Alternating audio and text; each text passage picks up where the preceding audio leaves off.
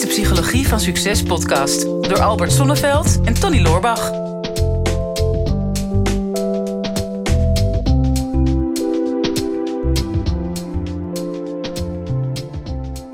Tony, uh, ja, in het aanloop van het uh, event, ja, dat is alweer uh, heel wat weken geleden inmiddels. we hebben het ook nog steeds over het IMU-event. Toen, mm. um, ja, heeft indruk gemaakt, hè? Ja, die had echt wel indruk gemaakt, ja. En vooral, ehm, nou, je, je, zag er een beetje gestrest uit ook wel, vond ik. Nou ja. ja. Ja, ik ook. Maar goed, het leidt dan af als jij het ook bent. Mm. En ehm, enig idee waar het mee te maken heeft? Nee, ik was helemaal niet gestrest. Dus oh, okay. denk dat ik er gewoon zo uitzie dan. zo, dat, dat is normaal, die vlekken in je nek. Ja, ja, ik wel zwaar, zwaar leven. Ja, spanning loopt altijd wel op. Ja. Ja, ja stress, ja. Um, gezonde spanning is het wel. Ja. Ik kan mezelf inderdaad ook wel echt wel, wel druk opleggen voor zo'n, voor zo'n evenement. Um, hè, ik moet toch een paar keer het podium op. Ik weet wel dat met spreken, het komt altijd wel goed. Ik ben ook niet bang dat het, dat het niet goed gaat zijn. Of dat ik afga. Of ja, uiteindelijk ga ik wel af natuurlijk. Ik bedoel, ja, ik ja. Drie, drie, kwartier, dan ga je mooi weg. ja, dan... Uh, ja, want ze komen geen ontbijt brengen op het podium, toch? Nee, maar ik, ik, heb, ik heb geen angsten in de zin van dat ik dichtklap. Of dat ik een slecht verhaal ga vertellen. Of dat mensen ontevreden nee? zijn. Dat, dat heb ik eigenlijk niet. Maar ik leg mezelf wel een hele hoge standaard op. Ja. He, dus, dus een bepaald verhaal wat ik wil vertellen. Um, op, een, op een bepaalde manier. Om mezelf ook als, als spreker te laten zien. Of mezelf als spreker te ontwikkelen. En dan heb ik wel een bepaald niveau in mijn hoofd. Van, van nou, als, zo wil ik dat het ongeveer gaat. En dan, dat klinkt heel raar. Maar als ik dan eenmaal op het podium sta. Dan sta ik er ineens alleen nog maar voor mezelf. Hmm. He, want ik denk, nou, met de zaal zit het wel goed. Maar daar kan ik wel spanning voor hebben. Ja. Dat ik als ik er eenmaal sta en het loopt niet. Dat ik, zolang ik op het podium sta, niet meer in staat ben om het bij te sturen. En dat ik dan achteraf denk, ik had dat anders willen doen. Lijkt wel uh, prestatiedruk, uh, Tony. Ja, klopt. Ja. Hoe is dat voor jou?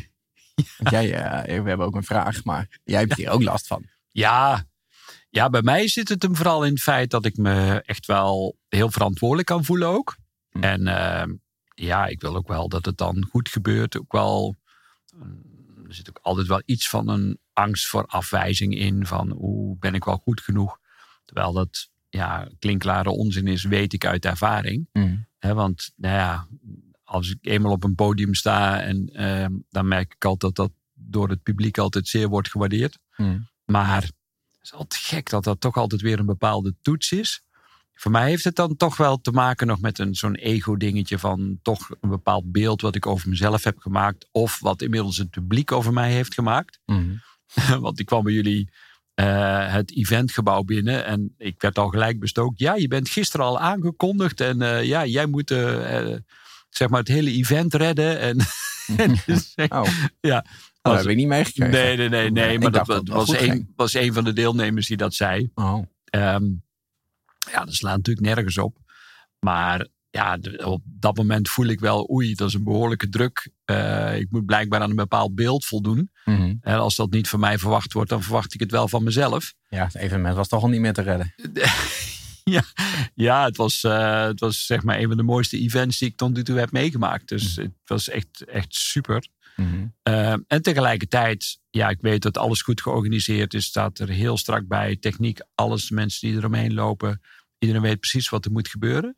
Maar er is dan toch nog iets in mij wat dan het gevoel is van ja, ik, ik, ja, ik mag een ander ook niet teleurstellen. En de verwachting ligt, is wel hoog. Dus daar heeft het dan bij mij vooral mee te maken. Maar is het bij jou dan een positief iets, die druk die je zelf oplegt?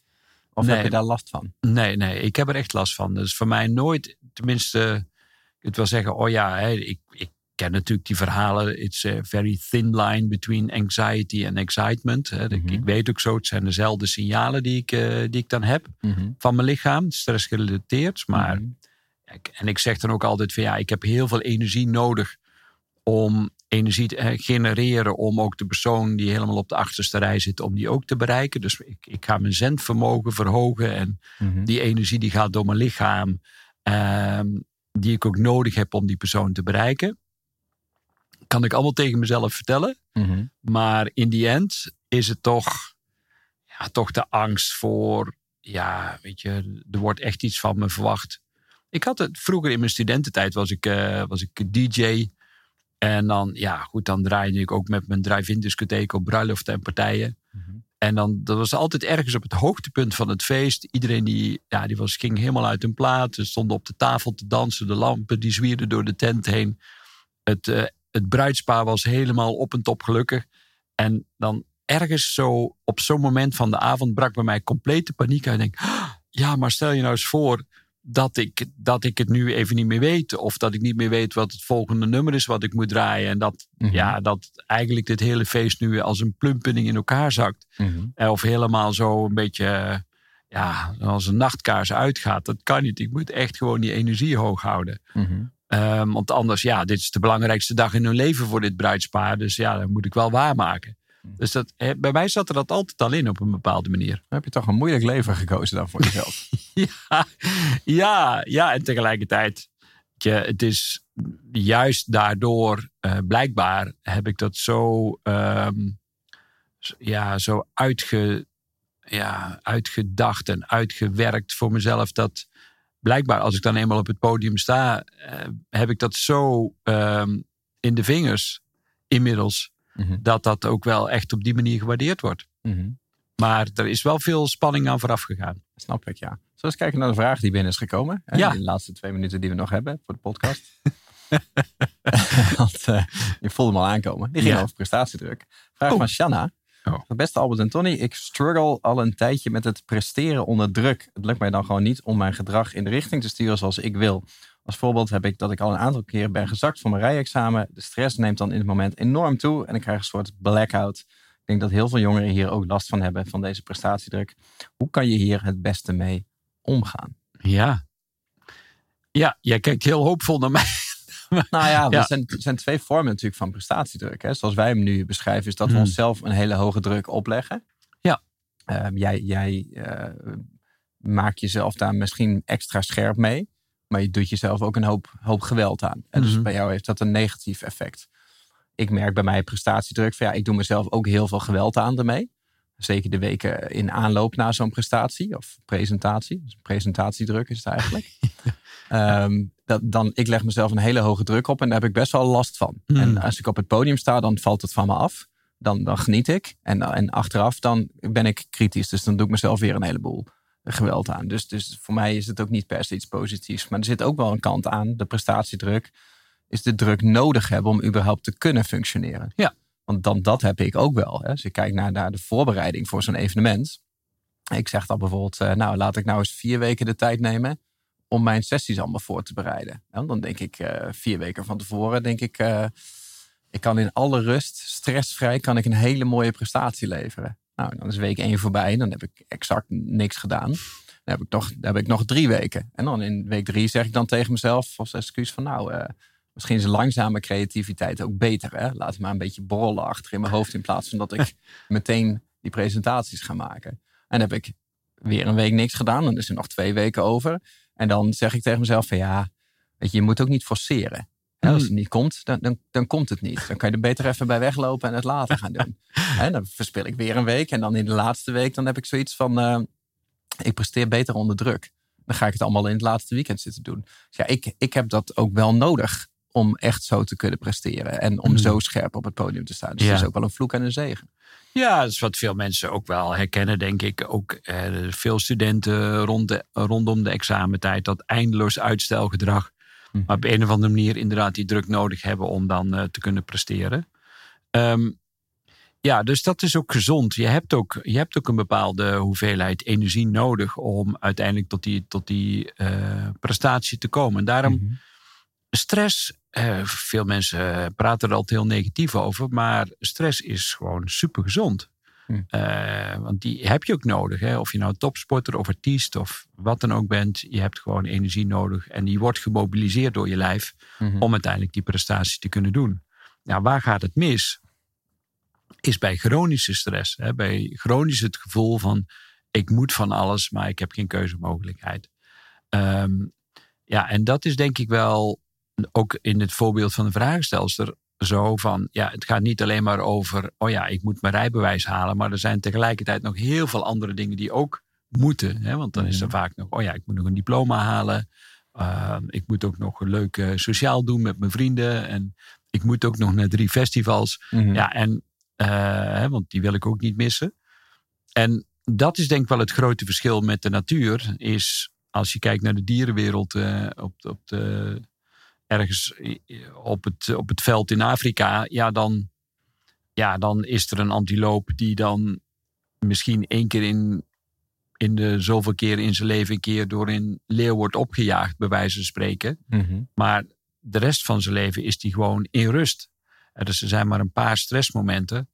En ik denk dat dat ja, 100, 150 jaar geleden misschien ook wel zo was. Het was allemaal een stuk overzichtelijker. Mhm. Maar nu is het een aaneenschakeling van ervaringen waarvan er in ieder geval in ons hoofd de gedachte leeft van ik moet weer presteren. Mhm. Hè, want eh, er is het, het woord eh, studenten, er is een prestatiebeurs. Ja. ja, de mensen worden gewoon beurs van die prestatie. Mhm. Eh, en dat is natuurlijk verschrikkelijk. Dat je je zo murf gemapt voelt omdat je binnen een bepaalde tijd eh, klaar moet zijn. Eh, Mhm. ja, terwijl in mijn tijd had je nog de eeuwige student. En eh, daar, daar, daar kwam je mee weg. Eh, dat was... Dus ja, wat dat betreft is die druk enorm toegenomen. Mhm. en zit het dus niet alleen maar op één situatie. Maar vaak verdeeld over heel veel situaties. is iets wat doorloopt.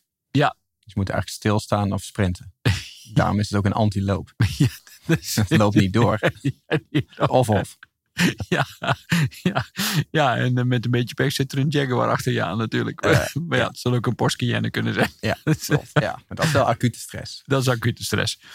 Ja, nou, hoe, hoe ga je daar nou mee om op het moment dat je merkt van ja, ik heb dat. Ik heb te veel prestatiedruk. Ja, daar zit weer niet het probleem. Eh, prestatiedruk is het gevolg. Het eerste wat je moet doen, denk ik, is de signalen opmerken. Want heel veel mensen ervaren druk, maar hebben het nog niet zo bewust in de gaten. Hm. Ze zeggen wel, ja, eh, poe, poe, poe, druk, druk, druk. Maar hoeveel impact dat die druk heeft op hun gezondheid, op hun manier van slapen, eh, voeding, beweging, alles wat erbij komt. Ja, dat krijg je niet met een paar paracetamols weggeslikt. Dat, dat, dat moet je echt wel aankijken. En misschien zul je merken dat die signalen, die stresssignalen komen bij bepaalde personen Mhm. of bij bepaalde situaties of een combinatie ervan. Eerst eens voor jezelf in kaart gaan brengen. Wanneer ervaar ik nu die druk en welke signalen van mijn lichaam en van mijn psyche krijg ik dan eigenlijk? En in, in het geval van, van Shanna, hè, als zij dat heeft met een rij- rijexamen doen, dus precies op dat moment dat het moet gebeuren, blackout, zullen scholieren ook hebben met, eh, met tentamens, hè, die Ja. daardoor niet verder komen. Ja. Hoe pak je dat aan? Ja, nou ja, dat is eh, de manier waarop ik dat eh, gelezen en geleerd heb en eindelijk ook bij mijn cliënten heb toegepast, is de manier waarop eh, de Amerikaanse SEALs omgaan met hun, hun diepste angsten. SEALs, dat zijn zeg maar de, de mariniers van, van Amerika, zeg maar een van de meest zware trainingen die ze, Mhm. ehm, die ze meemaken. En ehm, ja, die moeten onder extreme angsten en omstandigheden kunnen, kunnen blijven functioneren. En daar hebben ze toen een heel programma voor ontwikkeld. En die, en die vier pijlers die ze daarvoor gebruiken, die gebruik ik heb, ja, zowel in mijn privéleven als ook met mijn cliënten. En om maar even bij het voorbeeld van, ehm, van examenvrees eh, te blijven, is ehm, wat ik ook met de dochters heb toegepast. En noem maar even Emma. Mhm. Eh, die was ook, oh ja, maar ik ben zo bang dat ik zak. En, Mhm. nou, het eerste is dat je voor jezelf een heel duidelijk doel stelt. Ehm, nou ja, het, het doel is natuurlijk slagen. Maar het gaat niet zozeer over slagen alleen. En niet het diploma, maar dat wat je met het diploma kan doen. Mhm. Dus in het eh, geval van Shanna is het dan zo dat ze. Het gaat niet om dat rijbewijs, maar om de vrijheid die je daarmee krijgt. Mhm. Probeer al een heel duidelijk doel te hebben. Oh ja, wanneer ik geslaagd ben, dan ben ik vrij. Dan kan ik me veel makkelijker bewegen. Dan ehm, heb ik veel meer ruimte en, en keuzemogelijkheden. Dus dat is het eerste, een duidelijk doel hebben. Eh, het tweede is dat je dat ook heel goed gaat visualiseren. Want voor je brein is er geen onderscheid tussen eh, realiteit en fantasie. Hm. En als je, ja, je, je ziet jezelf zakken of teleurgesteld uit de auto eh, stappen naast de examinator, ja, dan, ja, dat is, niet, dat is geen helpend beeld. Dus in het geval van de dochters met examen, zei ik al, stel je voor, het beeldje staat al op het podium in, je, in de aula van de middelbare school. Mhm. Je, hebt, je krijgt eh, de diploma uitgereikt van de rector. En ja, je steekt triomfantelijk eh, dat diploma in, je, in de lucht. En je wordt gefotografeerd door je vrienden en door je ouders. Mhm. Dat hele moment dat je geslaagd bent, dat, dat beeld, dat heb je heel duidelijk voor ogen. Mhm. Dus de eerste is een duidelijk doel, tweede een beeld. het derde wat je nodig hebt is een hele duidelijke affirmatie. Want gedachten, daar, uiteindelijk is alles ontstaan vanuit gedachten. En op het moment dat die gedachte woorden gaat geven, dan, dan gaat het ook letterlijk en figuurlijk de wereld in. Hm. Maar de soort gedachten en de soort woorden die je gebruikt zijn natuurlijk heel bepalend voor de uitkomst en je gedrag. Dus de gedachte die ik eh, dan de dochters aanleerde is van met een examen, alles wat ik aan kennis nodig heb, dat zit al in me. Eh, want ik stelde de vraag van, oké, eh, ben je 80% van de tijd in het leslokaal aanwezig geweest? Heb je je huiswerk gemaakt? Nou, als dat allemaal ja is, dan mag je ervan uitgaan dat alle kennis die je nodig hebt voor het examen, dat het aanwezig is. Hm. En dat je daarmee ook toegang hebt tot, dat, eh, tot die kennis. En op het Hm. moment dat je voldoende ontspant, heb je toegang. Dus naast een, een heel duidelijk doel en een beeld, is er ook een affirmatie waarin je in hun geval dan tegen, tegen zichzelf bleven herhalen in hun hoofd. Oké, eh, ik heb alle kennis is al in me. Het enige wat ik hoef te doen is te ontspannen Mhm. zodat ik toegang daartoe heb. En het vierde is dan dat je ja, en met een hele lage ademhaling eh, onder in je buik dusdanig ontspant dat je voelt: oké, kan alle spanning loslaten. Want door die lage buikademhaling geef je een signaal aan je hersenen van: oké, de stress is voorbij. Mhm. Ik weet ook niet waarom, maar het lichaam geeft blijkbaar aan dat er meer rust is door die lage ademhaling. En je activeert daarmee de parasympathicus, dat is de rem van het zenuwstelsel. En dan, wanneer je lichaam rustiger wordt, zul je ook weer merken dat je brein weer rustiger wordt. Dus zo doorbreek je de negatieve spiraal. Dat valt eigenlijk dan wel mee. Ja, als je, als je voldoende oefent, want ik zeg altijd, je moet het dak repareren wanneer het droog is. Mhm. Dus als je denkt van, oh ja, ik ga een half uur voor het rijexamen dit nog eens even oefenen, dan ben je natuurlijk grandioos te laat. Mhm. Maar als je vanaf nu eh, realiseert, oké, ik, ik heb binnenkort een spannend moment en ik ga die vier pijlers voor mezelf opbouwen. Mhm. Een duidelijk doel, ik ga het nog even herhalen, een doel, een beeld, een affirmatie en een lage ademhaling. Mhm. En je doet dat dagelijks voor jezelf. En je zit helemaal in die positieve eh, situatie. Ja, dan ben je echt van alle kanten geborgd om ook goed door die situatie heen te kunnen. Ja, dit, dit stukje leer je in iets andere vorm ook in ehm, eh, het boekje De Weg van de Boog van eh, Paulo Coelho. Coelho, ja. Ja, ja, ja, ja, steeds ja, beter. ja, het al tien keer aangehaald door de Ja. jaren heen. Ja. Spreekt een keer fatsoenlijk uit. Maar die heeft zijn boekje De Weg van de Boog en die schrijft Mm. altijd inspirerende verhalen. En dat gaat dan over eh, de beste boogschutter ter wereld en iemands zoektocht om dat te worden of degene te vinden die, die dat is. En, en een van de, van de geheimen uit dat boekje, of wat een Mm. beetje de clue is, van ja, om de beste boogschutter ter wereld te zijn, moet je op een gegeven moment niet meer bezig zijn met het raken van het doel.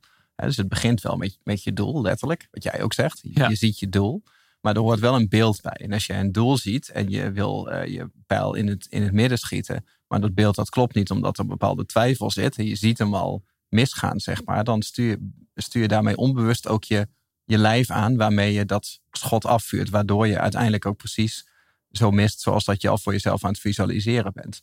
En om daar uit te breken, ehm, wil je bijvoorbeeld of je beeld veranderen, Ja. maar eh, nog makkelijker gewoon een stapje terug doen en niet meer bezig zijn met het eindresultaat, niet meer bezig zijn met het doel, maar dat je gaat focussen op het uitvoeren van de handeling. Ja, dus, dus je gaat alleen maar stap voor stap uitvoeren hoe je in een perfecte vorm een pijl afschiet.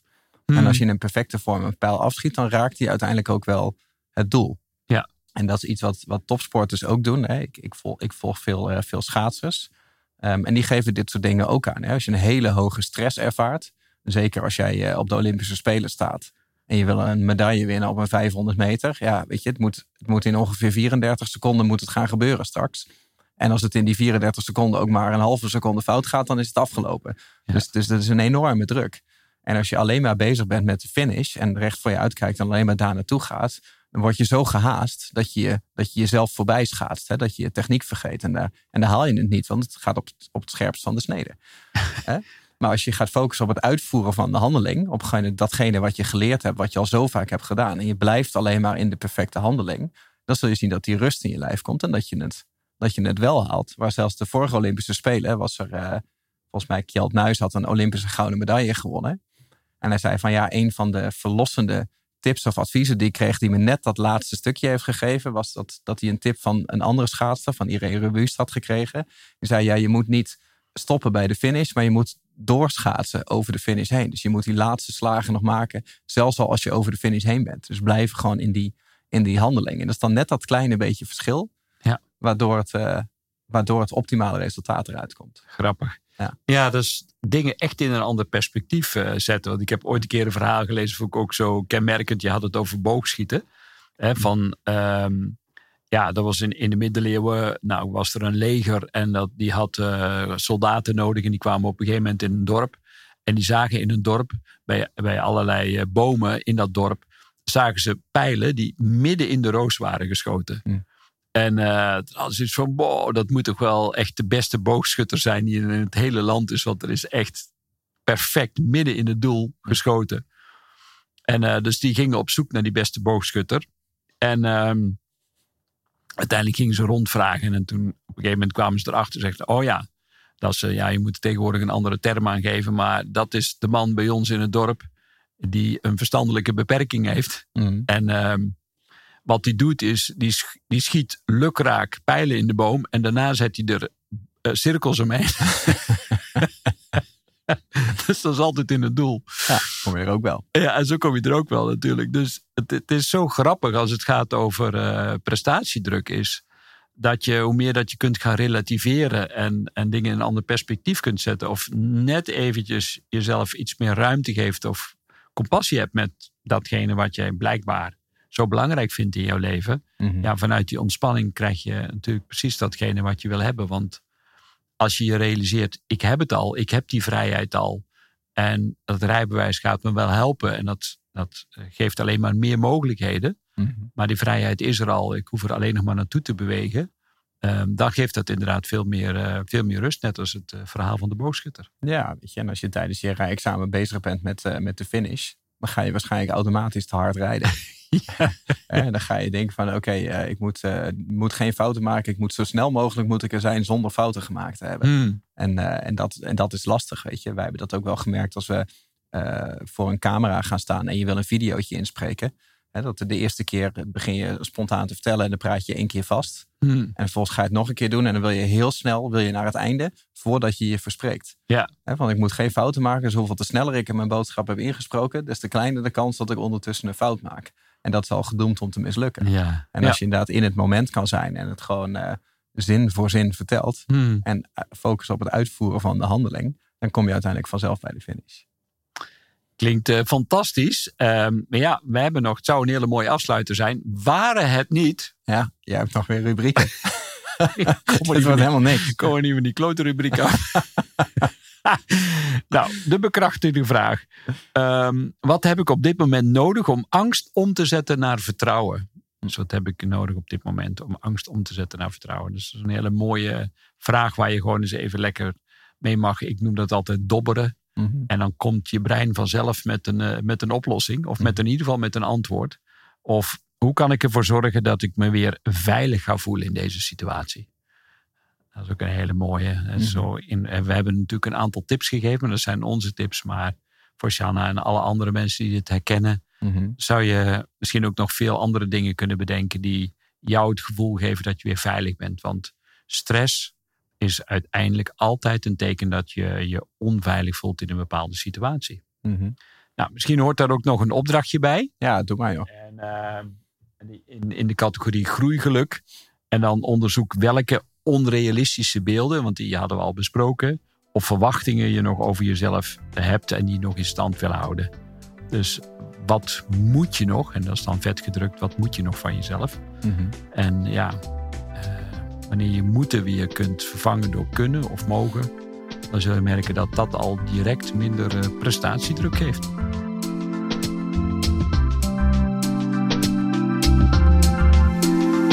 Dit is de Psychologie van Succes podcast door Albert Sonneveld en Tony Loorbach.